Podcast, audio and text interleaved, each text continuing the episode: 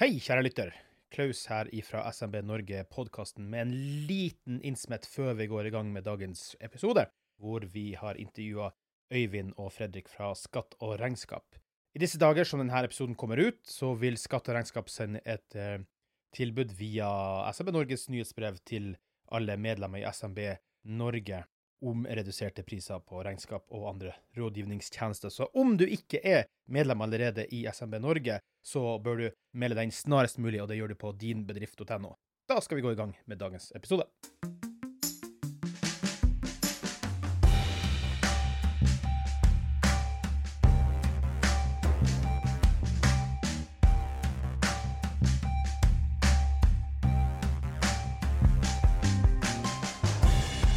Hei og velkommen til en ny episode av SMB Norge-podkasten. Med meg, Klaus Jacobsen, her i studio, og to eh, flotte gjester som vi skal komme straks eh, tilbake til. Vi har et tema i dag som kanskje kan være litt eh, vanskelig for noen. Vi skal snakke om eh, regnskap. Det er jo viktig, spesielt kanskje for de små, men som noen også sliter med, meg sjøl inkludert. sånn er det bare. Regnskap kan være en eh, Ja, jeg skal ikke si lifestyle bitch, men det kan det kan havne der noen gang, da. Jeg har med meg Fredrik Aars Runding og Øyvind Pedersen fra Skatt og regnskap AS. Hallo. Hallo, tusen takk Hallo. som, for at vi fikk komme hit til deg. Yes, og takk for i går, for vi hadde jo et flott treff i går. Takk for i går. Yes, det var hyggelig. Noen av oss ble med på Nattpatruljen. Andre var smarte og dro hjem tidlig. Ikke sant, Jeg var halvsmart, da, men uh, det var jo ekstremt hyggelig. Ja. Og Øyvind var supersmart. Er veldig smart. Det er kult at eh, en måte SMB Norge får dratt av gårde en sånn konferanse med så mye folk som kommer òg. Altså, vi var Ja. vel 85 stykker, var det Ja, det? ja, ja. Så det er gøy at dere måte greier å fenge så mye folk til å sette av Ja. liksom en hel dag og en kveld på å være sammen og Ja. knytte kontakter og på en måte ta del i den SMB Norge-familien. Familien og nettverksbygginga. Du hadde jo også familie med deg. Fikk hilse på din mor og bror og i hele tatt. Så Og kona var med, og Ja, ja, så det, er, det, det er bare hyggelig, det, altså. Men det som er fint, da, er at det blir jo såpass også populært noen ganger at i går så var det fire-fem stykker som ville være med på middag, men det var ikke plass til flere. Så de hadde vært litt sent. Så, så, så populær var vi på kvelden i hvert fall. da. Men da hadde vi den her Open Innovation Lab var med oss, de som hadde med han eh, Flåklypa ja, ja, det var kult. Ja, var mye kule greier, det. Han Aukrust. Lars Aukrust. Så, nei, det var veldig, veldig hyggelig, det, altså. Men som sagt, eh, Fredrik, det her er jo Jeg har møtt på deg flere ganger eh, tidligere gjennom eh, Jørund. og det var litt festlig, for jeg har jo spurt deg før. Da hadde du ikke litt tid, det var mye å gjøre. Dere har jo sikkert sånn sesongbaserte eh, tider osv. da. Det har vi sesongen der fra januar til desember. Det er opptatt stort sett hele tiden. Se det? Rart. Jeg har en kompis i eh, Sandefjord som driver med regnskap. Og han uh, har sånne perioder hvor det nå er det for mye å gjøre. Kanskje han bare, kanskje han bare utsetter for mye. Men det er, eh, det er selvfølgelig veldig syklisk. så det er, Ja. det er jo sant. Så det Ja. er jo, altså Fra januar til mai så er det jo ekstremt mye årsoppgjør og utskap på plass. Ja. Mm. Men så er det jo løpende ting som, som skjer. Folk som skal ha hjelp, som skal starte selskaper. Og vi får Ja. jo ofte inn mye kunder på høsten som må fås inn på en ordentlig god måte. Ja. Mm. Og da Og så er vi her. Liksom, Ja. Kalenderen fyller seg opp. Det er helt magisk hvordan han gjør det, men det er alltid, alltid nok å gjøre Ja. hos oss. Og det som var så festlig, og jeg skulle frem til, var det at jeg har jo da mast på det en stund. For jeg syns jo det er viktig, spesielt for små og mellomstore bedrifter, å eh, snakke om det med regnskap. Altså ha litt kontroll på det. Og jeg tror faktisk det er mange Den stereotypien med snekker som går med kvitteringene i baklomma. Jeg tror nok det skjer litt fortsatt. Ja, det gjør det, altså. Ja, ja. Og da sa du ja da, men da må jeg ha med min partner in crime, Øyvind Pedersen. Og i og med at vi driver med regnskap, så var det litt festlig begrep, da, så jeg måtte bare få lov å si at det, det var litt eh, artig. Det er veldig bra, for Ja. det er veldig mye det jeg legger i det. Altså, vi er jo veldig partnere og veldig lite in crime fordi at vi er et veldig ordentlig selskap. Ja, ja. Men det jeg mener med partner in crime når det gjelder Øyvind altså jeg, jeg startet dette selskapet i 2012, ja. Og det har man ansatte, og liksom noen kommer og noen går. Og sånn, Det er sånn verden virker. ja. Men noen blir. Men noen Ja. Altså det å At noen også føler det vondt på kroppen når man får en negativ overraskelse. At noen virkelig er ekte, ordentlig, dypt glade for de bra tingene som skjer. Ja. Og det å kunne dele det emosjonelle med noen, det, det føles utrolig bra. Ja, og du gjengjelder det selvfølgelig, Øyvind. Ja, selvfølgelig. Eh, jeg vet ikke om det føles bra hver gang man får en dårlig nyhet, men det føles bra å dele dårlige nyheter med noen. Det er helt Ja, riktig. men mest de gode nyhetene. Ja, absolutt. Ja. Absolutt. Ja. Og så må jeg bare først få begynne før vi går i gang her. Gratulerer dere med Gasellepris. Det er jo gøy.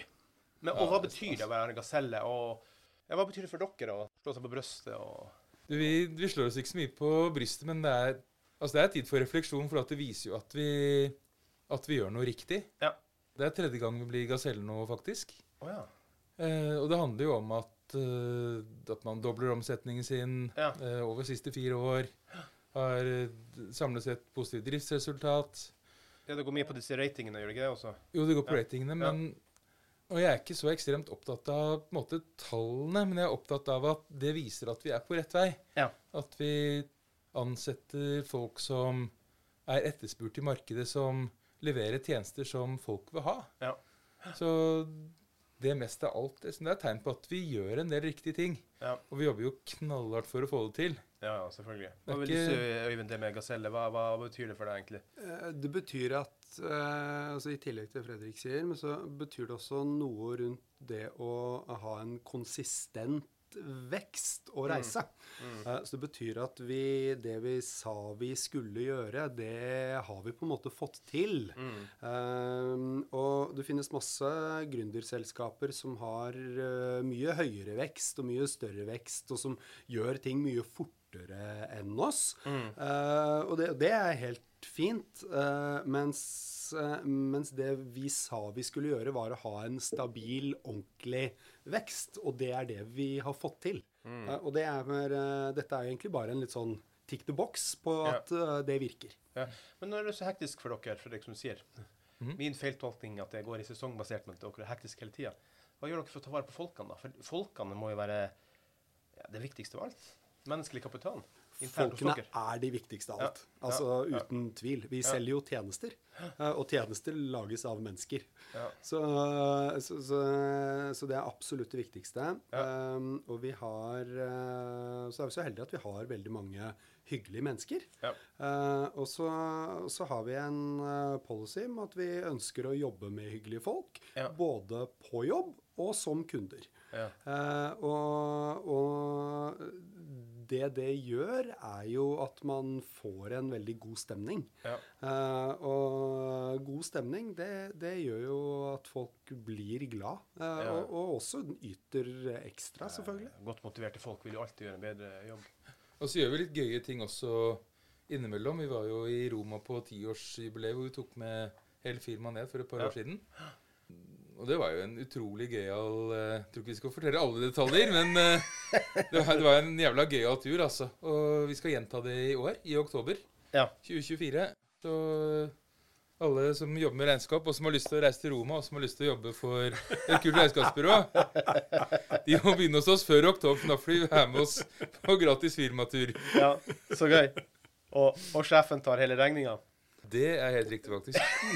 Så eh, vi får satse på at det blir et bra år. Det blir i hvert fall en dyr tur. Ja, ja, ja. Men ja, eh, ja. Hyggelig, blir, da. Ja. blir det som sist, så blir det en kjempestas tur, og det, Ja. det er verdt hver øre, rett og slett. Ja, men det er bra. Man skal investere i folkene. Fortell litt om, før vi går inn på firmaet deres, fortell litt om um, personlig bakgrunn. og Vi kan begynne med deg, Fredrik. da. Og du har jo drevet med andre ting før det her, vil jeg tro. så... Du, det er riktig. Ja. Uh, utdannet uh, diplomøkonom fra BI, Mm. med spesialisering i finans fra Georgia State University i USA. Mm. Jobbet ti år i næringslivet etterpå, bl.a. Mm. for McKinsey. Var økonomisjef i et av de store advokathusene noen år. Mm. Og så fra 2007 så har jeg drevet for egen regning og risiko. Jeg Mm. trives utrolig bra med det. Mm. Eh, ta Følge egne, inn, egne innfall og se hva man har lyst til å gjøre. Tenke godt etter, sortere ideene. Mm. Så gyve løs på ting. Mm. Så Og nå er du også foredragsholder. Og nå også foredragsholder. Tusen takk, det var veldig hyggelig. Ja. Altså, Jo, jo, men karriere, det òg. mm? Karriere, det òg. Ja. Jeg syns det er utrolig gøy, faktisk. Ja. Jeg startet jo Skatt og regnskap i 2012. Mm. Og nå har vi 200 kunder der, og vi er et par og tyve ansatte. Og, To avdelingskontor skjønte jeg på Øyvind òg. Oslo og Valstad. Ja, det er riktig. Vi har kontor rett ved Rådhusplassen. Så det er så mye som har skjedd. Ja. Eh, og jeg har jo veldig mye med ledelse i bedrifter. Altså de 200 kundene våre, så Ja. jeg rapporterer til eh, CFO-er og daglig leder og til styrer i dusinvis av selskaper. Mm. Og det er ekstremt lærerikt i seg selv, fordi at man Ja. ser jo hvilke Man skjønner ganske fort hvilke selskaper som lykkes, og hvilke som burde ta og jobbe litt med fokuset sitt for å gjøre ting kanskje litt annerledes. Ja. Gir du råd på det òg, da, eller? Eller holder du deg basically kun til regnskap og faget, da? eller? Nei, det er, vi har en veldig bred stilling. Ja. Jeg må bare si det er Ja. Det som er gøyalt Ja. Det er jo Altså, jeg er statsautorisert regnskapsfører. Mm. Og om man er lykkelig gift, så er det det beste sjekketrikset på byen. For at da er man jo garantert å gå hjem alene, Ja. trofast og fin til sin kjære kone. Jeg er veldig lykkelig gift. Men det er så sant Det er så langt fra sannheten hvordan det faktisk er å jobbe med regnskap Ja. hos oss, da. Ja. Jeg ser jo i løpet av Altså i løpet av en helt vanlig måned så veldig ofte eh, diskutere partneravtaler med Ja. advokatselskapet, altså med eierne der, Ja. hvor man skal legge det opp. Eh, rapportering til styret. eh, Det er analyse på likviditet. Mm. Det, det kan være fusjoner. Det er så mye spennende. Og bedrifter som starter opp og tar line up. ok, hvor, Åssen er det vi skal jobbe her? Hvordan skal vi få allting til å virke? Mm. Og sånn som nå senere denne måneden. eh, Vi er jo blitt regnskapsfører for SMB Norge fra Mm. 1.1.24. Mm. Det er stolt. Mm. Da kommer jeg inn her nå i løpet av en ukes tid. Da skal jeg bli kjent med dere. Altså så fra innsiden se Mm. ok, hvordan er det vi jobber her. Hva er viktig? Mm. Hvilke måltall vil folk ha for å drive SME Norge videre Ja. som de vil? Eh, Jeg syns det er kjempestas. Ja. Og det her er jo flotte folk i tillegg, så Altså, det er det er, jeg mente veldig det jeg sa i sted om at SME Norge er, det er en familie. Mm. Er vel, Man blir satt så pent imot. Mm. Så bare fortell en gøy historie også fra, fra hvordan det er å være regnskapsfører. da. Mm. Mm. Var, eh, var bisitter på et styremøte, generalforsamling, her for et par år siden. Mm. Oslo-selskap. Mm. eh, over 100 ansatte. Og så var spørsmålet skal selskapet avvikles, Mm. eller skal man fortsette driften. Mm. Og så satt vi da rundt bordet, ganske stort, eh, stort rom, ganske stort bord, ni stykker samlet rundt der. Og så satt vi i en time og knadde tallene og diskuterte. Ok, Hva er verdien av varelageret i det tilfellet at man avvikler? Mm. Er det noe verdi i det, eller blir alle verdiene borte? At det virkelig snakket gjennom regnskapet ordentlig. da, Så man så virkelig at det var en realitet i det vi rapporterer. i Det på en måte er, det er ikke luft, det er Nei. Det er nesten mulig å ta på, faktisk. Det er, Ja. Dette var faktisk veldig mulig å ta på. Og så, etter at man da hadde snakket lenge og vel, så ble det klin stille i rommet. Og en gikk ut på gangen og ringte til advokaten sin, og et par stykker dro inn i et hjørne for å diskutere. Og så satte man seg ved bordet, og da skulle det være votering. Ja. Og da var det sånn at eh, hvis man tok og eh, reiste en hånd, så stemte man for at selskapet skulle avvikles. Og det er 100 arbeidsplasser. Ja. Og hvis man, ikke, hvis man sa stille, altså ikke reiste hånden, så, så skulle man fortsette driften. Satt man der og skulte på hverandre, og så Ja, ja, så man første hånden suser i været. Og så tenkte jeg oi, oi. Og så, så hvordan skal dette gå? Så kom det en hånd til. Mm. tenkte jeg, å nei, faen, skal man avvikle dette selskapet? Det er jo så bra selskap. Ja. Og så kom det ikke noen flere hender opp. Helt stille en periode, og så fant vi ut ok, det er fortsatt drift. Og bare den følelsen å sitte der i rommet Og det er, det er egentlig kjempedramatikk. Ja, er Sitter der helt stille. Helt stille, ser rundt, og så ser man at uh, ja, det gikk bra. Ja. Og det er en del av det å være ja, I hvert fall en del av den måten jeg er statsautorisert regnskapsfører på. Å være med på sånne ting, og være med å påvirke og råde i sånne prosesser. Jeg synes det er fantastisk gøy. Ja. Øyvind, litt om din bakgrunn også, før du kom til der du er nå, eller? Ja. Ja, eh, jeg kommer eh, altså en eh, siviløkonom eller master fra Handelshøyskolen Mm. i Bergen. Mm. Og jobbet med og i økonomifunksjoner egentlig hele mitt, min karriere. både som revisormedarbeider, konsulentbransjen, Mm. kjøp og salg av eller transaksjonsstøtte for, for kjøp og salg av selskap. Mm. Uh, vært uh, litt innom inhouse uh, økonomiavdelinger i store selskap. I Coca-Cola annet en stund. Ja. Og så Det var ikke du som bestilte de nye korkene? Eh, bestilte ikke de nye korkene, men tar en minimalt eh, ansvar for at flaskene ble mykere Ja, okay. en gang. Så den forrige irritasjonen hadde jeg litt med å gjøre. Helt, Absolutt ikke på beslutningsnivå, men Nei. i oppfølging. Og så, eh, så fant vi fant vel ut eh, på et eller annet tidspunkt at det hadde vært gøy å gjøre noe selv. Ja. Eh, og da så møtte jeg til, tilfeldigvis Fredrik. Ja. Eh, Og da tenkte vi ok, la oss eh, lage et eh, et eh, måte stort selskap. La oss lage et kompetansehus. La oss lage et, eh, et selskap litt sånn eh, som kan stå på egne ben. Ja. Eh, så det er egentlig eh, Det er veien. Jeg må jo fremsnakke deg litt da, Øyvind. Mm. Altså, Da du kom inn, så Altså, Vi har tredoblet omsetning siden du kom inn i desember 2018. Mm. Så det har jo Det har skjedd noe. det har vært en suksesshistorie å få deg inn på laget, som partner og alt. Ja. ja. Det skryt kjenner man jo fortjener du. på. Det er, eh, det er gøy, det, altså. Ja, ja, ja. Um, og så er jo jeg ekstremt dårlig til å huske på hva som har skjedd. Eh, så jeg er jo åpenbart er bare er.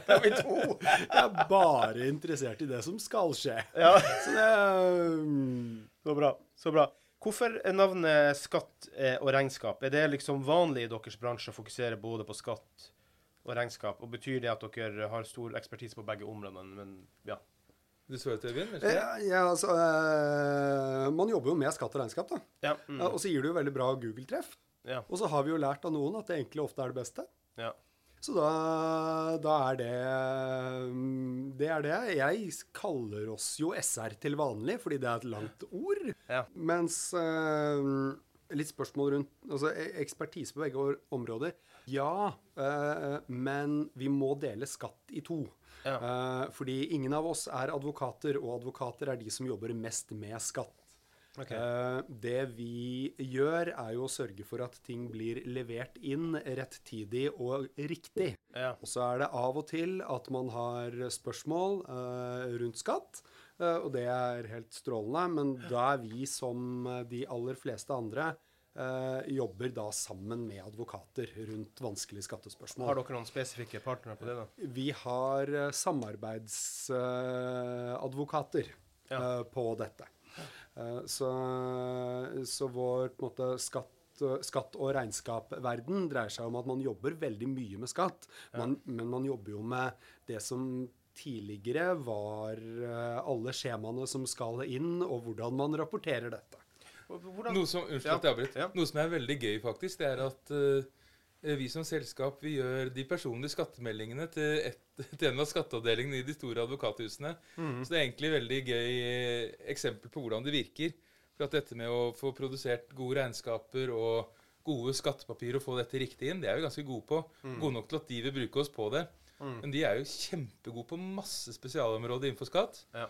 Det tar jo de og selger ut til sine kunder, så det er Eller klienter, da, som man kaller det. Ja. Jeg må bare spørre, da eh, Som jeg kom på her, jeg kan godt hende jeg noterte det her òg, da. Men eh, som sagt, jeg husker heller ikke ting. Derfor har jeg mine mentale jukselapper her. AI, kunstig intelligens, Mhm. er det en trussel? Er det en fordel for, i deres bransje? Kommer det til å skje noe? Er det i bruk allerede? Og ja. Det er jo jevnt over en trussel mot menneskeheten, eh, satt på spissen. Men eh, altså Vi eh, Sånn som verden ser ut eh, nå, i hvert fall fra vårt ståsted, eh, så bruker vi jo diverse modeller for eller som har AI i seg, om du vil. eh, Elementer, altså, liksom. Elementer til i alle programmer. Og de, de fleste programmer i dag med Altså regnskapsprogrammer i dag har en AI-løsning innebygd, egentlig. Eh, og det det dreier seg om, er jo bare bildegjenkjenning. Eh, sånn at man får en PDF, et PDF-format som ikke er lesbart på annet vis, og så er det en pikselgjenkjenning Ja. i dette som gjør at man kan fylle ut felter i et regnskapsprogram eh, som ligger der klart for at vi kan ta det i bruk. Og, og det, det har jo egentlig slått litt grann beina under mange andre eh, Funksjoner, ja. funksjoner. Eh, og, og det er jo eh, en del av på en måte eh, programutviklingen. Eh, og bedre kommer det helt sikkert til å bli. eh, mens eh, det som jo det Men som, dere tenker ikke at det kommer til å true så og så mange ansatte hos dere? For at nå Nei. kan bare datamaskinen gjøre det? Nei, liksom? nei, ikke i det hele tatt. Vi er Nei. ikke noe bekymret for dette Nei. i det hele tatt. Det er det vi Altså som bransje så ser vi jo altså, at uh, sånne ting som fiken Ja. uh, Altså et program du stort sett kan bruke selv, med veldig mange unntak eh, foreløpig. Eh, men det er mye viktigere for den delen av næringsliv vi snakker om og med nå. Ja. Eh, det er superfint med AI-løsninger for selskap med 250 000 inngående fakturaer om dagen. Mm. men for... Det blir mye masse, da. Ja. ikke sant? Der, der hvor størrelsen er, er lik, der hvor man har på en måte litt kontroll fortsatt på input-format.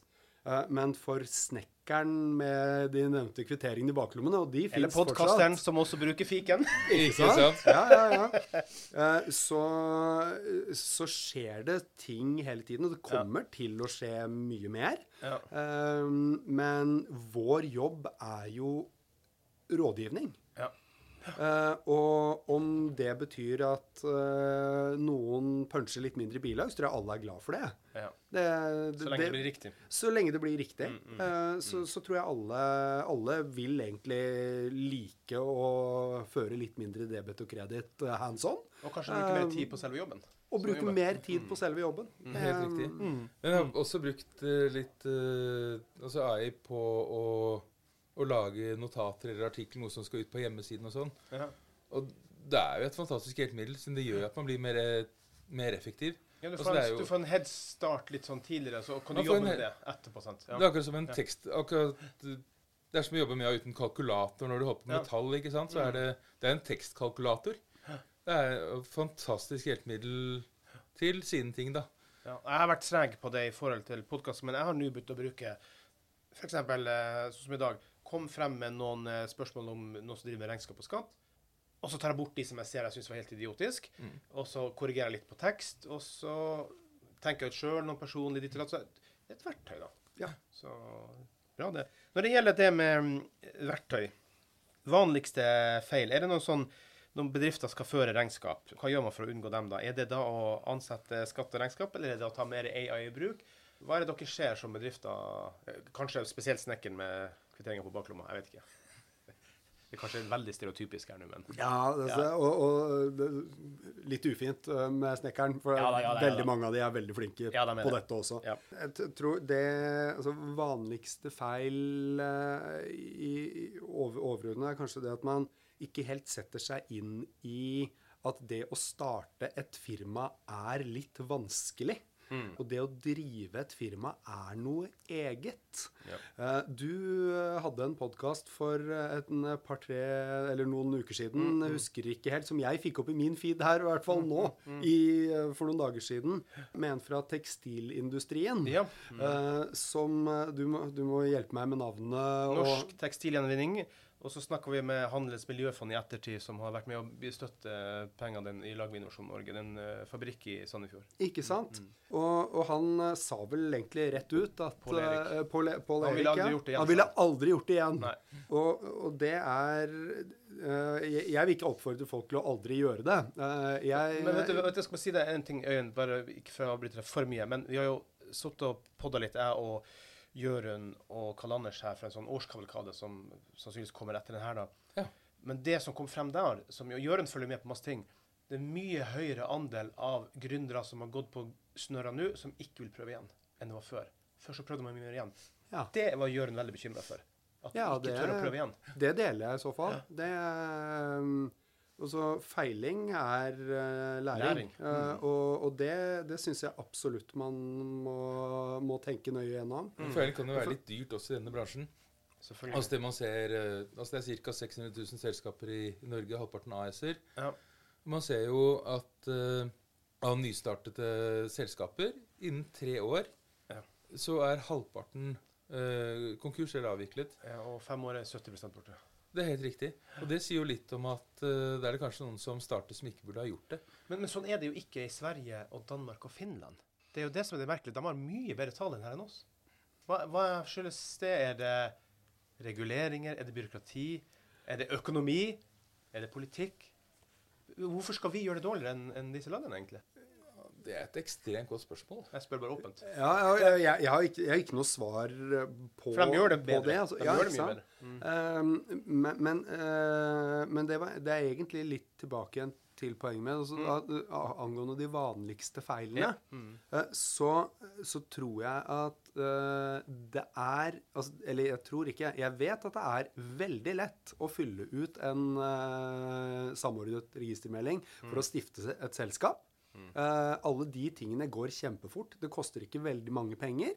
Uh, og så sitter man der med et selskap. Og idet man har gjort det, og gjerne sendt en faktura og hatt sin første inntekt, så har man pådratt seg ganske mye ansvar. Ja. Og, og den biten er kanskje det, det, jeg, det jeg ønsker at folk skal tenke mer gjennom, da. Ja, han, han sa Det jo, han Aukrust i går. Folk blir forelska i egen gründeridé Ja. fort. Eh, Og klarer ikke å gi slipp på uh, elsken. Nei, nei, ikke sant? Uh, og, og, og da ender man ofte med å være veldig glad i produkt eller tjeneste, og så Ja. glemme at det er et selskap, og det er en egen ting. Ja. Og mye av det er regnskap og den rapporteringen som vi utfører i, i vårt selskap for andre. Og, og det er altså Man har bare sånne ting som Altså de enkleste tingene. Ha riktig kontaktinformasjon i Altinn. Eh, altså, pass på å bruke de systemene som finnes. Pass på å sette opp ordentlig. Sett deg inn i programvaren du bruker. Og jeg, jeg liker fiken og andre tilsvarende. Nå er det lett å, å, name-droppe dem, men det finnes Jeg flere liker dem ikke, for jeg surrer med de kodene hele tida.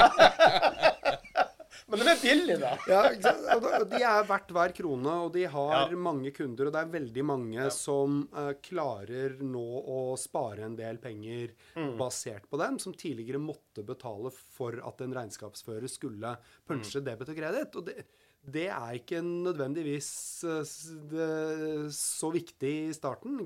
Så lenge man kan sette seg inn i en sånn programvare, det er helt topp. Mm. Eh, men pass på å gjøre det. Eh, pass på å lære seg det, fordi at da uh, slipper man å få 60 000 i bot for manglende innrapportering. Man slipper å ha dagmult på avmeldinger. Man slipper, altså det er veldig mange ting som man må huske på. Så, så, Dessverre. Dessverre. ehm, og, og, og så er det selvfølgelig andre ting altså, De tingene rundt regelverk eh, altså man, eh, man får endelig ut en faktura, eh, og så har man ikke tatt ut lønn på to og en halv måned. Eh, og så fakturerer man 30 000, og så tar man ut 30 000. Ja. Eh, og så glemmer man at det er alle de andre tingene man skulle ha gjort. Man skulle ha innrapportert det som lønn, eller man skulle ha Altså, det, det er mange mye andre ting som eh, følger av det å drive selskap. Det er jo på AS, da. Lille Podde, Podde Klaus her, han driver jo som enkeltpersonforetak, og da blir det jo samme greie å sette. Det er jo, det er jo Da er det samme Eller da er det det annen verden. Det er Ja. sant. Ja. men eh, ikke mindre frustrerende. Det er klart det er frustrerende. Det er jo, det er jo vår eksistensberettigelse, i hvert fall en del Yes. av det. Det er Ja. at eh, Altså, vi er jo glad i å gjøre ting som mange ikke er så veldig glad i. ja. Men eh, bare ta og oppsummere egentlig to kjemperåd eh, når du skal starte egen business. Det er dette med, som Øyvind nevnte med Altinn, å legge inn kontaktinfo. Ja. Det er så viktig som du får påminnelser der. Eh, ja, det blir det sånn alle à la Digipost-greier, er det det du mener? At, du får de, at de kommer automatisk med påminnelser påminnelse der, er det det du mener? Ja, altså Man kan ikke basere seg på at man skal få påminnelser alltid. Men ta f.eks. Sett du er et nystartet aksjeselskap, og så vet du ikke helt at du skal levere en aksjonærregistreroppgave. Nei. Og da i Altinn så vil du få påminnelser til den e-posten du har oppgitt i Altinn. Ja. Men har du ikke oppgitt noen, så da, da får du ikke den påminnelsen engang. Så, Eller i spam-filteret. eller i spam-filteret. Ja. Så, så det, er det, det er det ene. Og det andre er å rett og slett se på skatteetaten og se kjenner man igjen alle disse fristene som man vet. Ja. Man må vite Enten må man ta og forske på det selv, eller så er man nødt til å spørre noen som har peiling på det. Som dere. Som oss. Bare For det sånn er at, mange frister, sant? ja, det er mange frister, men det er ikke, det er ikke vanskelige frister. Nei. Altså det er eh, Skatten skal inn altså, i Selskapet inn 31. Ja. mai, og årsregnskapet inn 31. juli. ja, så har du moms, og så har du ditt. Og så er det moms, og så er det organ 31. i første. Men det er ikke vanskelig å huske disse fristene. Nei. Man må bare For en regnskapsfører, ja. Ja, man bare Ja. måtte erkjenne at ok, nå starter jeg et aksjeselskap, og det innebærer at jeg faktisk er nødt til å gjøre ting. Ja. Uh, man vet man er nødt til å uh, avholde styremøte for å, for å godkjenne eller for å vedta årsregnskapet. Man vet Mm. man må ha en generalforsamling. Mm. Uh, Sånn at man får gått gjennom årshjulet hva man faktisk gjør, sånn at man planlegger det. Ja.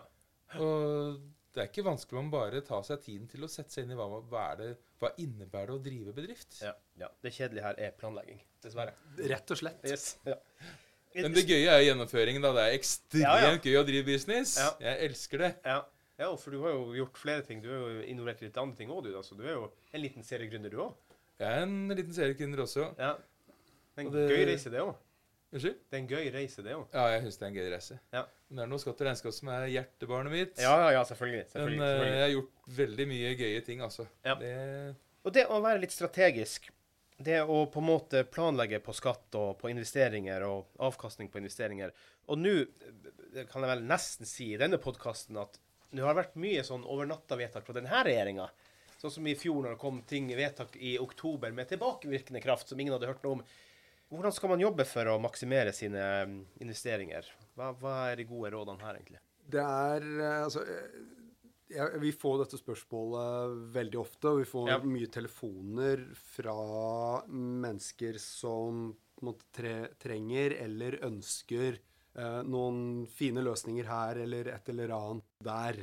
Eh, og, og, Ja, nesten litt shady, da, egentlig. Eh, ja, men jeg tror ikke de i utgangspunktet har, eh, mener at det Nei. skal være shady. Jeg tror de Nei. bare ønsker å på en måte optimalisere innenfor lov, da. Ja. Men jeg, jeg svarer litt på de spørsmålene som jeg svarer dem, egentlig. Ja. Altså at av og til så er det noen regler. Mhm. Av og til endres noen ting. Det kommer noen statsbudsjetter som gjør noen endringer i noen satser, eller mm. som gjør noen andre strukturting. De bør man få med seg. Mm. Uh, altså når Hvis man er på vei til å ta et utbytte, og utbytteskatten endres uh, til nyttår, så, uh, så fikser man et uttak før. Og, og det er på en måte de, de årlige tingene som skjer. Og så kan vi ikke gjøre så veldig mye med at det kommer negative overraskelser, for de kommer jo ofte uten at man har noen tilpasningsmulighet. Også, men utover det så er jeg veldig opptatt av at folk i utgangspunktet jobber med businessen sin. Ja. Uh, og, og at det er hovedfokus. ja, og heller søke råd hos sånne som dere. og- Ja, og heller altså, ha, ha en dialog da med noen som er, eh, noen som er oppdaterte Mm. På dette. Og det kan jo være advokater, det kan være regnskapsførere, det kan være andre. Mm. Mens den beste måten å eh, å på en måte planlegge skatt på, den skjer ikke før man har noe å planlegge med. Nei. Så man trenger en viss størrelse Ja. for å drive sånn som de man hører om i, uh, i nyhetene. Vi har et ganske modent eh, skattesystem rundt sånne småting. Ja. Eh, det er veldig detaljert hva man får lov til, og hva man ikke får lov til. Altså alt fra eh, leie av egen hybel i kjeller til utlegg for reiser osv. Alle disse tingene her er ganske gjennomarbeidet. Ja. Og, og, og det å på en måte gjøre noen prøv... Det å finne noen smarte triks eller finne Det er ikke så, det er ikke så lukrativt, rett og slett. Nei, men samtidig, i går så var det under middagen så var det riktignok et advokatfirma som da nå er blitt Nordens største, som tok opp det under med den politiske debatten. At Norge har også nå, på vegne av utlandet, blitt en slags Jeg finner ikke rette ordet, så jeg bare skriver det med egne ord. En økonomisk-politisk usikkerhet hvor man fra utlandet blir usikker på investeringer i Norge. Fordi de forandringene kommer. Ja. Vet du hva, Og da må dere sette dere inn i dem, sant? For å kunne bistå deres igjen. Det, det, det var interessant. Det var jo The Shut som fortalte om det i går, at de hadde startet et eget, en Team. egen avdeling for å vurdere politisk usikkerhet. Og det Jeg syns det er ille at vi trenger å ha Yes. det i Norge. For at vi har jo fått litt overraskelser de siste par årene med Han plutselig setter opp uh, utbytteskatten uh, uten å sette ned selskapsskatten. Det har jo vært Eh, altså Det har vært en symmetri her med beskatning som man plutselig da går bort fra etter mange mange år. Ja. Uh, ekstra Ekstra skatt over natten på Arbeidsgiveravgiftsøkning altså, opp 5% Og det ble ikke borte i år. Altså, de tok og hevet innslagspunktet, men det er Og det er et eksempel som jeg også snakka i en podkast her nå tidligere. For at vi hadde jo det gründerseminaret. Jeg husker ikke om noen av dere var der. Men i hvert fall så var jo han, han en av de som var med å starte Aksjon for norsk eierskap. Han, jeg husker ikke, men det er han, han som driver med laks, da.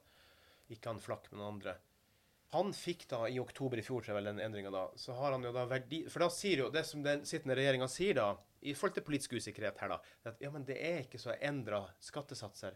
Men det han fikk da, var lisensen på merdene sine ble satt til verdi over natta fra fem millioner til dere gjette leken for dere? Hva tror dere den ble satt til over natta? Vet, vet ikke. Jeg vet ikke, Nei. faktisk. Ja, men hvis du tar en vill gjetning Skal jeg ta en vill For skatteprosenten, satsen er den samme, men verdivurderinga OK, jeg sier det. Den ble til 1,1 milliard. Fra 5 millioner til 1,1 milliard. Og Der avslører vi hvilke type kunder vi jobber med, og hvor ja. vi har hovedbasen her på Østlandet. Hvor vi ikke jobber med noen i fiskeindustrien. Men regjeringa sier, men regjeringa sier det er ikke så justerte skattesatser. Nei. Nei. Men de sier jo det fremdeles. Altså, ja. gikk jo og sappe ned aksjerabatten fra mm. 25-20 det er fall mm. det som er foreslått. Mm. Eh, heve formuesskatten eh, opp til 1 mm. altså på verdier rundt 100 millioner.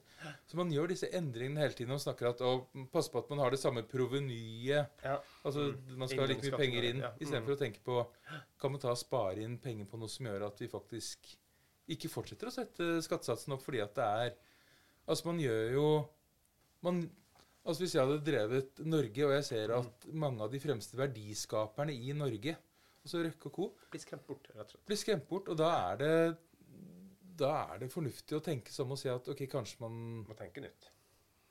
kanskje man skal justere kursen litt, fordi at vi har ikke råd til at liksom, de, de fremste industribyggerne blir borte. Og her, det her har vi snakka mye om, det narrativet. Fordi at her dessverre må gi kritikk til Media Norge. Narrativet er at rikingene stikker. Realiteten er, på vegne av f.eks. sånn som dere gjør jobb, de sparer bedriften sin for de slipper å ta ut fra den. Som kunne investert i nye ting. sant? Det er jo et helt annet narrativ, det. Det, det, det er det. altså Hvis du legger det oppå det med usikkerhet, som altså er altså Usikkerhet er det verste. Mm. Eh, og og, og, det, så lenge man har skapt den, så har man altså det tar vel, Usikkerhet er akkurat samme som tillit. Ja. Eh, det tar lang tid å bygge, og det er ødelagt veldig fort. Uh, Må og- dere sette dere mye inn i det her da, for å gi råd til deres? da? Må dere hele tida være veldig på på det som også skjer nærmest på regjeringsnivå? da, for å... Ja, vi, vi må jo følge med. Ja. Dere har, mange, dere har mange som spør dere om råd rett og slett, om disse tingene. Ja. Ja, ja nei. Altså, nå, nå har vi vært innom Eller nå har den siste runden dreid seg mye om eh, Laks og Om laks og- og ja, eh, litt, den veien. Eh, men- ikke så mye av det på Hvalstad. Det, det er ikke så mye av det jevnt Ja. over eh, I hvert fall av de mindre selskapene da, i Oslofjorden. Nei. Så eh, det er vel noen store som har noen hovedkontorer i nærheten. Men Og, og der er det ikke noe fisk heller å få i Oslofjorden. er- Den er død. den er dau, rett og slett. Ja, det er synd, det er synd, det.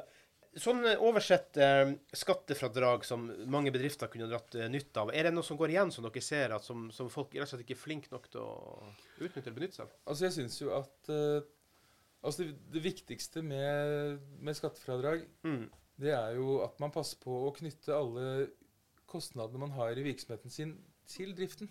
Altså, har du vært ute og, og spist middag med en kunde, så, så skriv på hvem, hvem har du vært ute med. Hvorfor har du vært ute, hva var navnet på det? Ja. Og da har du knyttet kostnaden til inntekten din til firmaet ditt, og da får du jo et skattemessig fradrag for det, ikke sant? Ja. Uh, Så lenge man ikke drikker Tequila hele tiden. Ja, det er sant, eh, det. Ja. Men hvordan er det forresten blitt? For, for jeg husker jo før i good old days, jeg er jo også litt over eh, mid midnattshøyden, holdt jeg å si, da, da var det jo, det var jo full fri bar nærmest.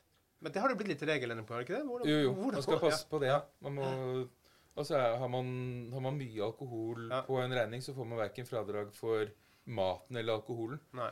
Så, men får man en egen kvittering på maten, så er det fullt fradrag for den. Ja. Men det er ikke noe smertegrense at du sier at du nå har bestilt mat til ti stykk, og vi hadde to øl hver. Er det lov, eller er det, er det, det no go? Jo, Det er smertegrense. jo, jo, jo det er smertegrense. Det er veldig, veldig tydelig grense på det. Det er som et glass vin, glass øl og sånn, det funker fint. Men Ja. måtte, har du like mye alkohol som du har uh, mat, så har det Altså, da, da får du ikke trukket fra det som en skattemessig kostnad. Nei. Er det andre sære ting da som Ja, altså, det, det som overrasker meg mest, det, som er dyrest, og, altså som er stort, Eh, det, det er det at eh, for, det fortsatt finnes ganske mange der ute som ikke er klar over modellen med holdingselskap. Ja. Altså, hvis du har tenkt til å ta et utbytte og investere det igjen, Ja. eh, altså, så, så må man ha et, eh, et holdingselskap å gjøre det fra. Hvis man ønsker å holde, å holde et event, altså, eh, proveny fra et eventuelt salg Ja. i spill i et næringsliv, videre investering osv., så, videre, Ja. så, så må man ha et eget holdingselskap som skjermer seg selv, eh, sånn at man kan leve med det, det som egentlig er en utsatt skatteregning. Ja. Uh, og, og at det ikke er uh, blir gjennomført for absolutt alle, det, det forstår jeg ikke. Eh, så det er på en måte det er, det er den største tingen. ting som også er interessant, faktisk. Jeg er 100 enig i det du sier, selvfølgelig. Mm. Men uh, denne skatteinsentivordningen, det er veldig mange som ikke kjenner særlig til den. Uh, altså hvor du kan investere Du kan spare opp til 220 000 i skatt på det året. Altså du kan, hvis du investerer da inntil 1 million kroner i oppstartvirksomheter, Ja. og denne virksomheten har da altså, Det er en del premisser som skal ligge der. Man tar ut eh, Eller noen må få lønn på 400 000 av det eh, i løpet av første par driftår og slik. Ja. Eh, Men her er det faktisk et ordentlig skatteinsentiv. Men det er veldig få som snakker om det, merkelig nok. For at eh, det er faktisk en ganske gunstig ordning hvis du først Ja. eh, har penger og vil redusere skattekostnaden din. Men så er det, det er ikke alle som har mye penger å, å sette inn i oppstartsselskaper. Men Nei, men det er disse hva de kaller angel investors, eh, som ja, Ja. Sikkert ville ha fått en god nytte av det. da. ja. Interessant. Ja, det det er kult, faktisk. Ja, ja. følger med da. Når det gjelder bedrifter å holde seg oppdatert på skattelovgivninga, hva, hva er liksom de viktigste endringene som skjer i dag, og hvor ofte skjer det, og hvor ofte må man oppdatere seg? Bør man kurse seg, eller bør man bare betale firma som dere for å henge med? Hva, hva er rådene deres på, på det? Igjen, politisk usikkerhet. Det her er jo også en økonomisk usikkerhet potensielt, da, hvis du ikke henger med i svingene. da. Altså det, det handler om å være interessert i det som skjer, og oppsøke informasjon. Men du har, du har mange dyktige folk som lager informasjon. Altså dere her i SMB Norge kommer Mm. med mye eh, god informasjon. Eh, revisjonshusene, veldig mye god informasjon. De, de bruker mye ressurser på Det er en del av deres markedsføring. Mm. Skatteetaten også, veldig godt. Så det er Mm. mye informasjon som er der, og lett tilgjengelig. Men man må jo man må være interessert Mm. nok. Man må bruke tid nok, sånn at man får en oversikt. Og er det en offentlig etat, så må du gjerne ringe mellom 12 og 2. Det er jo helt fantastisk. Men på, Brønnøysundregisteret er åpent mellom 12 og 2. men på et eller annet tidspunkt så Ja. blir det jo en trade-off når du driver selskap. Eh, Ja om du skal vite alt og sette deg inn i alt, eller om du skal si at OK, Ja. det jeg skal kunne, er mitt produkt og mitt marked, og der skal jeg ha min fokus. Mm. Eh, og så kjøper vi inn tjenestene fra noen som, som er glad i det. Altså Vi elsker jo vårt fagområde. Ja. Så vi er jo oppdatert fordi at vi er interessert. Hvor pliktig er man til å henge med på regelverk som en bedriftseier? Man er helt pliktig, faktisk. Ja.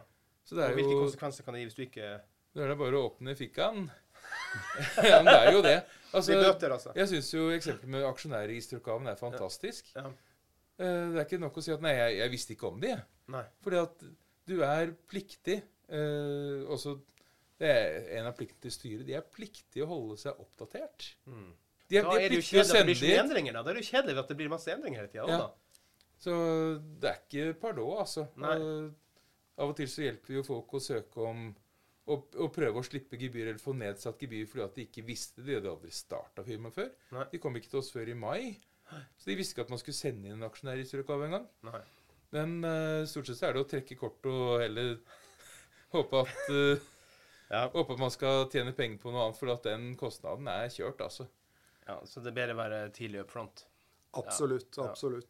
Og dette er jo en av bekymringene mine rundt eh, rundt nevnte eh, selv, selvbetjeningsløsninger, holdt jeg på å si. Mm. Eh, også jeg sa fiken i stad, for å si Systema eller Konta eller et eller annet annet i nå, da. Triple you name it. Det er mange kjente. Eh, Mm, Det ja, eh, og når eh, skatteetaten veldig ofte viser en ganske uforsonlig holdning på feil, Mm. Så er jeg bekymret for at en del eh, ender før de egentlig har fått startet. Mm. Gitt at det er menneskelig å gjøre en del feil i starten. Og, og, og det å skille eh, på de som bevisst har gjort noe galt, Ja. som jeg absolutt mener at de skal ta, Ja, eh, med de som har prøvd så godt de kunne, men ikke fått til. Eh, og den Men der er det jo ikke forskjellen- pardon. Nei, det er I lite systemet er jo ikke det. Det er det. ikke er ikke det, altså.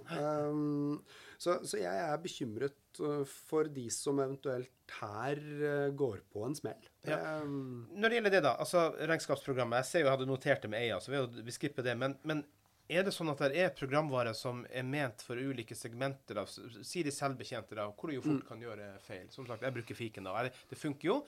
Men eh, jeg har jo så lite ting jeg skal legge inn der, sant? så det blir sånn hm, hm, Hvordan var det her igjen, da? Sant, da? Så det må jo være ulike leverandører og ulike nivåer med hjelp å få, da. ja, og det, det, er, det er absolutt det, Ja. altså. Um, og du sa TrippelTex i stad. Uh, vi bruker TrippelTex på masse kunder. Uh, Mm.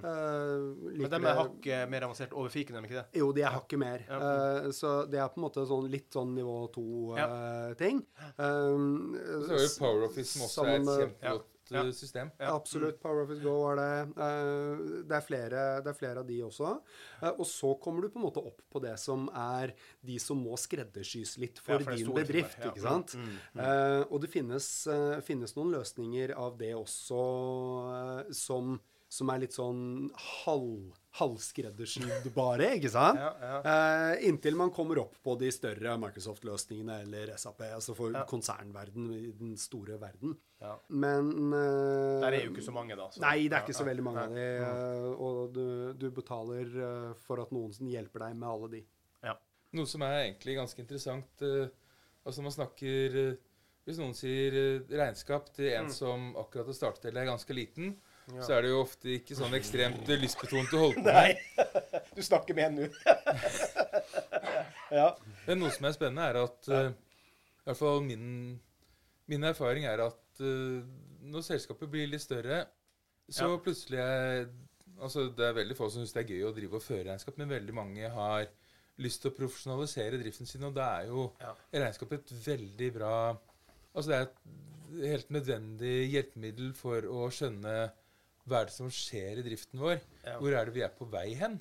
Ja. Og blir da opptatt av rapporter og finne ut ok, hva er, hva er selskapets stilling, hva er Ja. selskapets resultat, hvordan ser likviditeten ut, Ja, ja. Eh, hvordan ser den ut om to måneder, hele den biten der.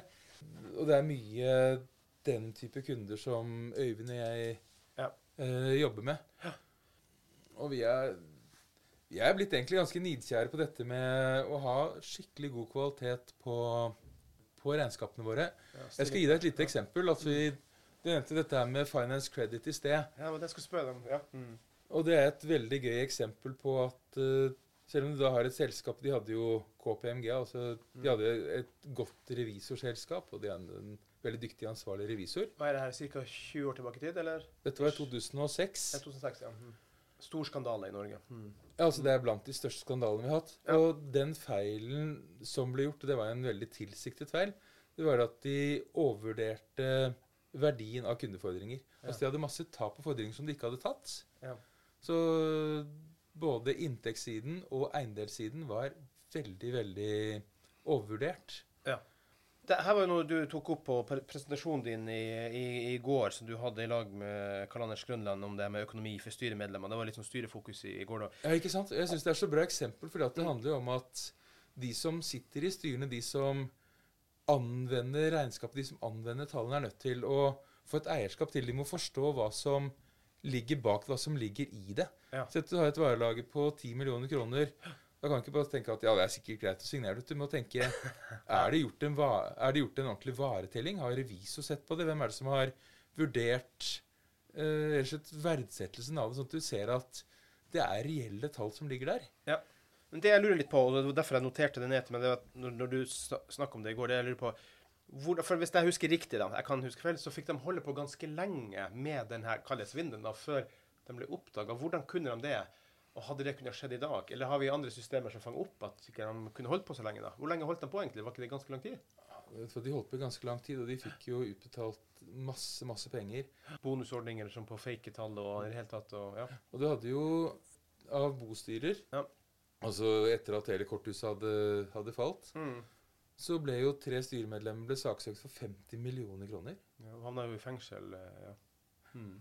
Så, og revisoren var i fengsel i 30 dager.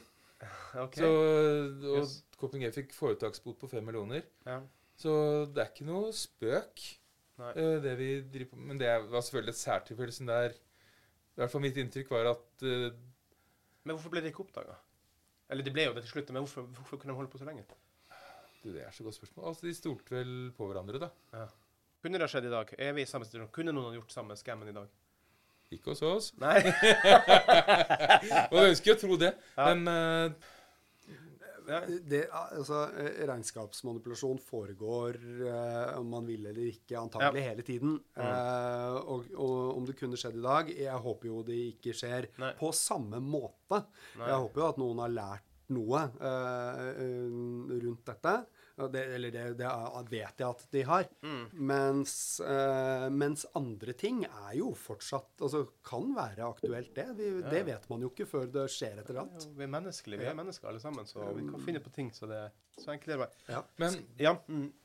som vi har vært litt eller som jeg håper har skint veldig gjennom, er at vi er litt nidkjære på å gjøre ting ordentlig og skikkelig. Ja. Mm. Og en ting som Jeg har et par gode eksempler på, på hva vi gjør nettopp for å sikre at tallene er gode. Mm. Og også at eh, rapportering og leveranse også er god. Er, vi, har jo, vi har jo to hovedfelt hos oss som mm. regnskapsbyrå. Hvor da det ene og det største av dem er da advokatbransjen. Mm. Eh, hvor vi har et samarbeid med et selskap som heter Avant IT. Mm. Hvor vi har laget noe som heter Legal Podium. Mm. Og det handler om at vi da har, eh, sammen med Avant IT, godt system som blir en god arbeidsflate for advokatene, som gjør at eh, de er inne og registrerer timer, utlegg, betrodde midler, kundefordring. At de er veldig tett på tallene sine, Mm. sånn at de da med en gang kan reagere i det tilfellet at noe ikke er riktig. Kanskje det var ført 100 timer feil, eller på feil Mm. klient, eller på et eller annet. Mm. Mm. OK. Eh, da ser man det mye raskere. Ja.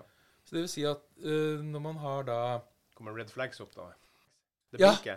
Altså da, det blir, det blir fanget opp med en gang og Ja. korrigert med en gang. Så det vil si at sitter du i styret i et uh, advokatselskap som har nettopp innført disse gode systemene for, for registrering av timer, og hvor man har god oversikt, så sikrer man at også regnskapstallene er bedre. Mm.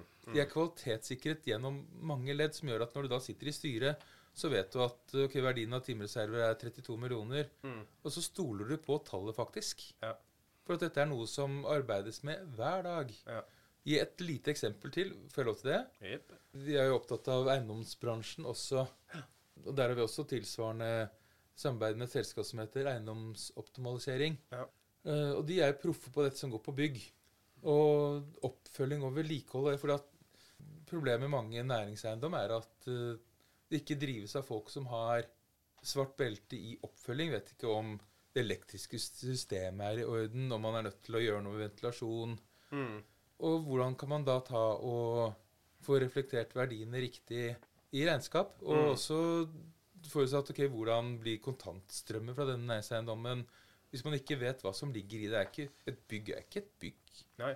Det er jo masse som skal gjøres og skje med det for å optimalisere driften av det. Ja, og så kan det jo være et uh, særbygg med maskiner til millioner av kroner på innsida, eller bare stoler og bord og sant.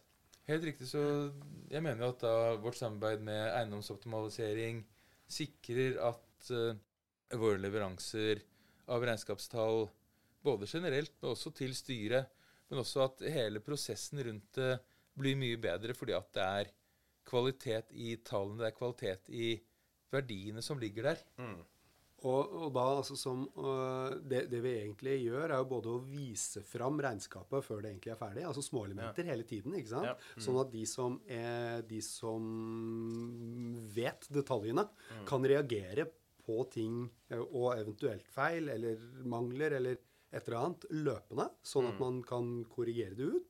Og så sikrer man jo at de tallene som de jobber med, er de som faktisk havner i regnskapet. Ja. Uh, og, og- det er på en måte bare den, den enkleste tingen, og dette er ikke noe, dette er ikke noe magisk. Nei. Eh, men, men det er på en måte den informasjonsflyten, det å gjøre regnskap relevant. da. Og dette oppdateres jo i mange tilfeller hver dag. Ja. Så det er jo det er samtidsinformasjon, og det gjør det jo så gøy for oss å jobbe med, for da kan man jo gjøre analyse på det. Ja. Uh, Sett at styret plutselig finner at man skal ta målet på uh, Nå er vi inne på advokatbransjen igjen, da. Ja, ja. Gitt at man har lyst til å begynne å måle på faktureringsgrad, eller man har lyst til å måle på gjennomsnittlig timepris. Mm. Man velger ut det som et måltall eller KPI. Mm.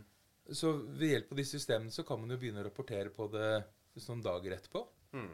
Ok, Mm. Sånn er det det utvikler seg hver dag. Durt, durt, durt, durt. Ja, du kan se det i Hvor kult er det ikke da å samtid. drive virksomhet når du kan se virker de tiltakene som vi faktisk iverksetter? Ja. Det er dritmoro. Spennende. Det er som å være i en dataverden. Det Ja, ja, er det er en dataverden. det. Det er, det er akkurat det Ja. det er. Ja. Um, Skatteplanleggingsstrategier for små bedrifter. Er det noen grep man kan gjøre eller må gjøre, eller må man liksom bare stå i den skatteskitten vi står i Norges land? Det er veldig lad. Ja. Må man bare klore seg fast og slite oss ut, utarme oss? Eller er det noen små loopholes for de små? Du, beste, beste måten å sitte igjen med, mest mulig penger etter skatt på, det er å tjene mest mulig. Ja. Og bruke energien sin på det. Altså drive businessen og drive den godt. Ja. Jeg var kort innom skatteinsentivordningen i sted, som litt for få kjenner til, tror jeg. Mm. Men uh, ellers er det ikke det er ikke noen store loopholes. Det er, er, som Øyvind nevnte i sted, det er et veldig gjennomregulert eh, skattesystem.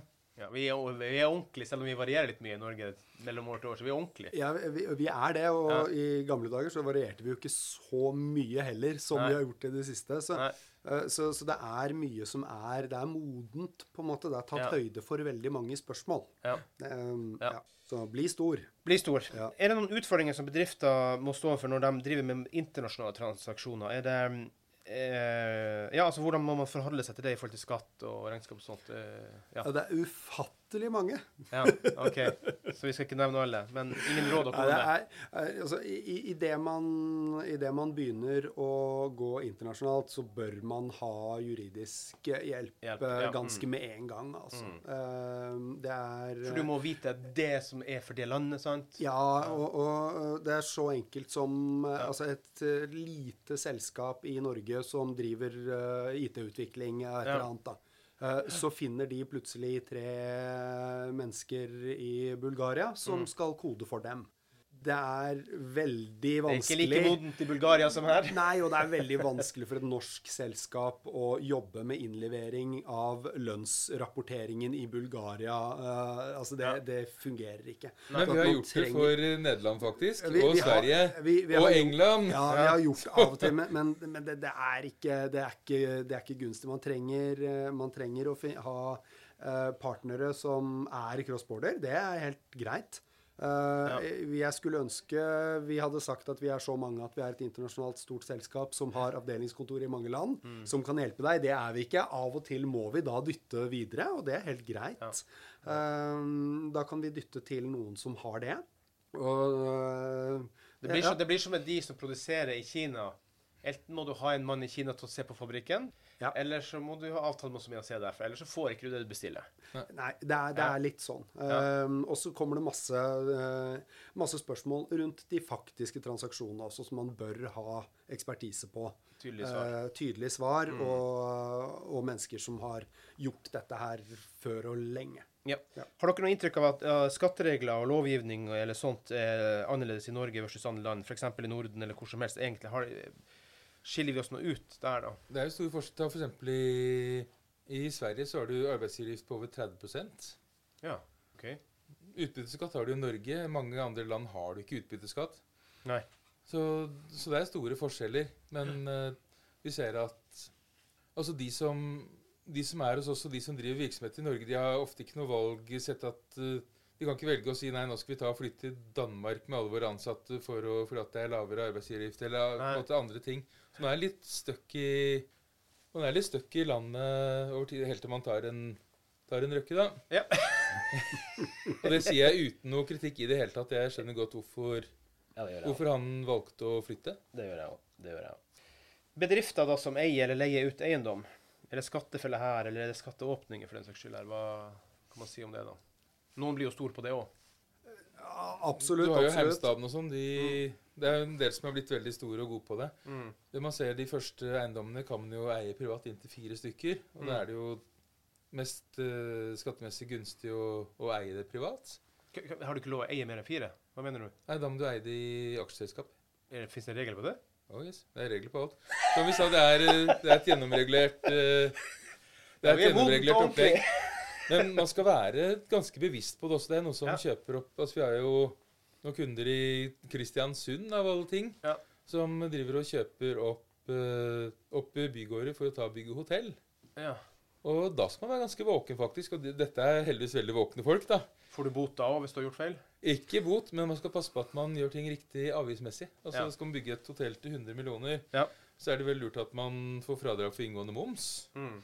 For eksempel. Så det er, det er ganske mye å passe på, og det gjelder egentlig de aller fleste områdene vi har snakket om i dag. Ja. At Ja. vi får liksom Vi får snakket om et lite ferniss på toppen, men det er jo, det er jo bare liksom toppen av isfjellet. Og Ja. Men vi er snart på vei inn for landing. Vi, vi, tro meg på det, kjære lyttere. Vi har faktisk snakka over en time, så vi er fernisse, men vi har skrapa litt dypt inn i fernisset, i hvert fall. Enkeltpersonforetak. Er det noe som skiller seg ut i forhold til AS her, og hva man må passe på eller gjøre annerledes? Altså, En ting som jeg jo vet, siden jeg driver med podding som enkeltpersonforetak sjøl, det er jo at det er jo meg personlig. Det er jo meg ansvarlig. Er det noe mer utover det å tenke på her? altså, tenk på forskjell mellom AS og enkeltpersonforetak. Risiko, eh, gevinster ved det, eller ikke gevinster ved det. altså, ja. Og, Det og er- det er jo mange hundre tusen enkeltpersonforetak i Norge. Ja. Jo, som vi sa før Ja. vi fikk litt besøk her på, i podkaststudio, så Ja. det er jo like mange omtrent aksjeselskap som enkeltpersonforetak i Norge. Mm. Og hvis man går ut fra at folk stort sett har og velger det de syns er best, så, så er det jo mye som er likt uh, med de to selskapsformene. Mm. Og skatt skal man jo betale overskudd uansett, selv om det blir Ja. litt annerledes. Ja. Men den store forskjellen er at uh, altså rundt et aksjeselskap så er det det er mye struktur. Det er mye greier som skal være i orden. Altså Alle aksjeselskaper skal ha en generalforsamling, Ja. møtes Mm. en gang i året. Man skal ha et styre. Og man skal ha noen til å lede selskapet, eller det, er en, det er en helt annen struktur rundt det. Man, en del mer pliktige oppgaver man skal gjøre når man driver aksjeselskap. Mm. Den store fordelen er som eier av et aksjeselskap, så har du ikke personlig risiko for gjelden. Ikke sant? Nei. Eh, men får ta del i all oppsiden. Så det, sånn sett så er det jo topp å være eier i et aksjeselskap. Er du i et styre til et aksjeselskap, så det også, det er en helt egen greie. Vi snakket jo over en time om det i går. Ja. Det er en helt egen greie. Ja. For da sitter du jo og tar et Altså da tar du jo risikoen på vegne av eierne, og kanskje da til en veldig lav godtgjørelse. Ja. Så det å sitte i styrene er en liten risikosport. Utrolig gøy arbeid. Altså, Jeg sitter i et par styrer og har sittet i en del andre før. Ja. Så det er veldig gøy. Man skal passe på at det er en risiko. Man skal jammen ha peiling på det man, man driver med.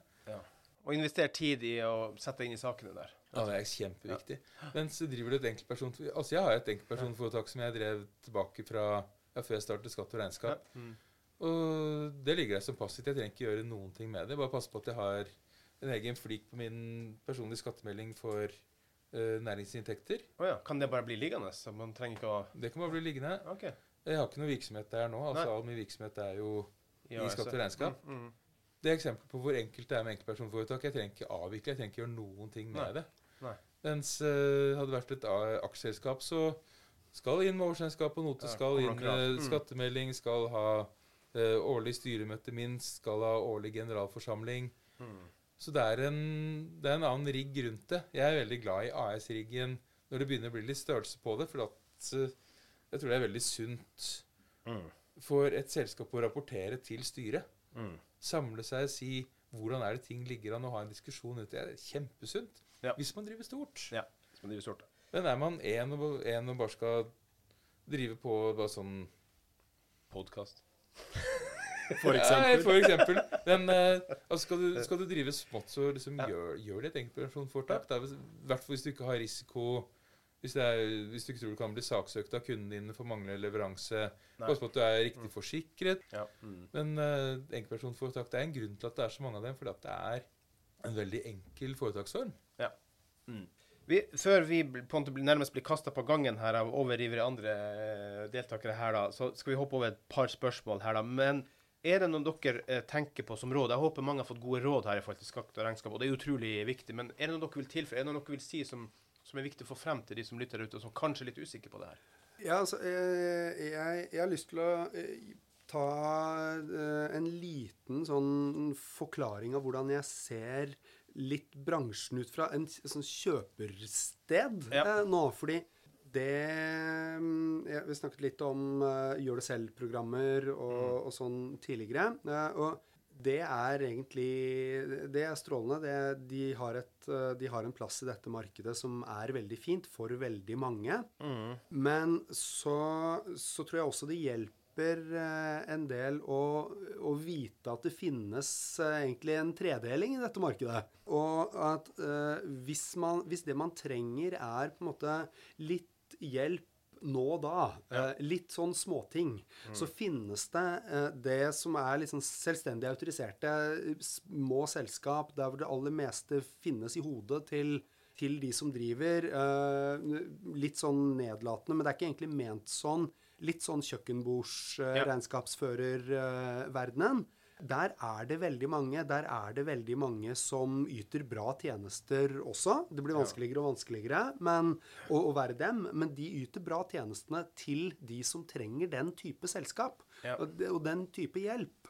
Det er ikke de som nødvendigvis uh, bruker penger på reklame. De aller fleste gjør ikke det.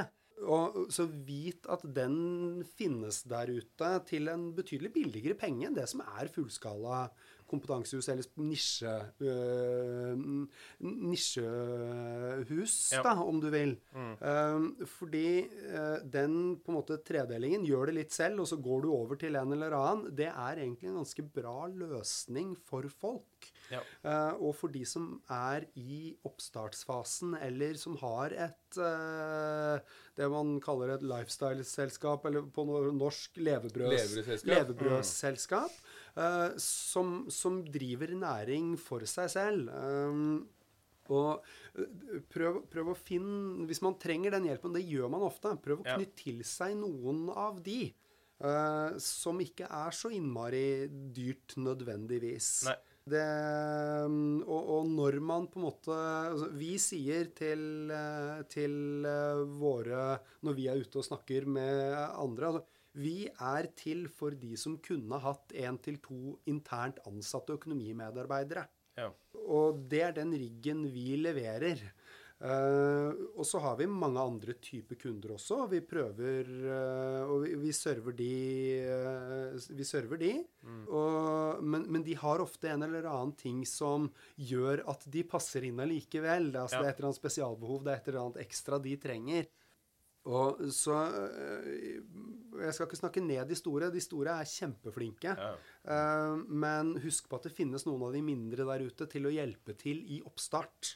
Ja. Det er eh, Ja. Ja. Få kunnskap. Vil du tilføye noe på slutten her, nå, Fredrik, på hva tenker du om det med det siste råd og pust på regnskapet? altså jeg, Øyvind er en veldig fornuftig mann også på dette området, så jeg samtykker jo i dette. Mm. Vi har vel vi har en håndfull selskaper nå som er nystartede, som har Mm. fått i gang omsetningen sin. Uh, som vi har kjørt en vanlig onboarding med. Mm. Avtalt at ok, vi skal ta og hjelpe dem med aksjonærrisiko, vi skal hjelpe dem med skatt, vi skal hjelpe Ja. dem med årsregnskap. Og så hjelpe dem underveis hvis de trenger det. Og så at vi da ser gjennom det de har gjort uh, f.eks. per 31.10. og 31.12. hvert år. Mm. Mm. Uh, Så ved hjelp av det så får de gjort den jobben som de vil selv først, for å ha vårt eh, timeforbruk nede. Ja. Samt som det er sikret at uh, leveransen blir god. Mm. Man får gjort det man skal uten at man får uh, disse bøtene. Ja. Man vet at uh, man prøver på aksjonærregisteroppgaven først selv. Mm. Og så vet man at er det problem, så kan man ringe oss eller sende en mail. Du, Fredrik, gidder du gå inn og kikke? Jeg er litt usikker. Mm. Og så går jeg inn, og det ser jeg på kort tid om det ser greit ut eller ikke. Ja. Men bare det å ha den ha en person da og snakke med en som kan kvalitetssikre, og det, det er ikke ufornuftig, altså. Nei. Det er alltid lurt å ta til seg ekspertise. Vi skal gå inn for landing her nå, men dere har jo også et partnerskap på gang uh, rett rundt hjørnet. Kan godt hende det er ute nå uh, når episoden kommer ut, for alt jeg vet. Men, og der skal det bli noe tilbud til SMB-medlemmer. fordi på dinbedrift.no så har vi masse medlemsfordeler, og der kommer dere også til å være. Men har dere noen geografiske begrensninger på områder hvor dere har kunder, eller kunne dere ta den i Alta f.eks., eller er dere, vil dere helst være i Du, vi skulle jo veldig gjerne hatt kunder i Alta også. Det er Ja. blant de få områder vi ikke har. Nei, nei da. Det var Så, et eh, men vi har eh, Vi har kunder nede i Kristiansand og i Kristiansund og oppe ved Ja. Lofoten og Ja. Trondheim og Så vi har. Fordi at alle de systemene vi har, er i skyen. Ja. Og særlig korona har lært oss jo ekstremt mye om det å tilrettelegge for at uh, man, man kjører møter på Teams, og alle Ja. er veldig vant til den måten å jobbe sammen på. Mm. Det som ofte er viktig i den rollen som vi har, er at man har en god kjemi Ja. med den som ønsker råd og veiledning, og det får man veldig bra til over Teams. ja, så kommer det fra Alta nå, så hadde dere tatt imot. Det hadde vi. Ja. Definitivt. Så bra. Så bra. Tusen, tusen takk, eh, Fredrik Årsrydning og Øyvind Pedersen, for denne lange samtalen, selv med en liten avbrudd underveis her, så, så dere det kan skje. Mye rart. Gi oss gjerne en femstjerners rating på Spotify og Apple Podcast. hadde vi satt eh, stor pris på. Og husk å trykke abonner og like og del. i det hele tatt. Og gå på din bedrift og finne ut av medlemsfordeler og ja, hverdagsnæringslivsnyheter. Derfor det er også veldig viktig. Det er jo nettverking igjen, sant. Ja, det er det. Så tusen, tusen takk. Selv tusen takk, Klaus. Tusen takk.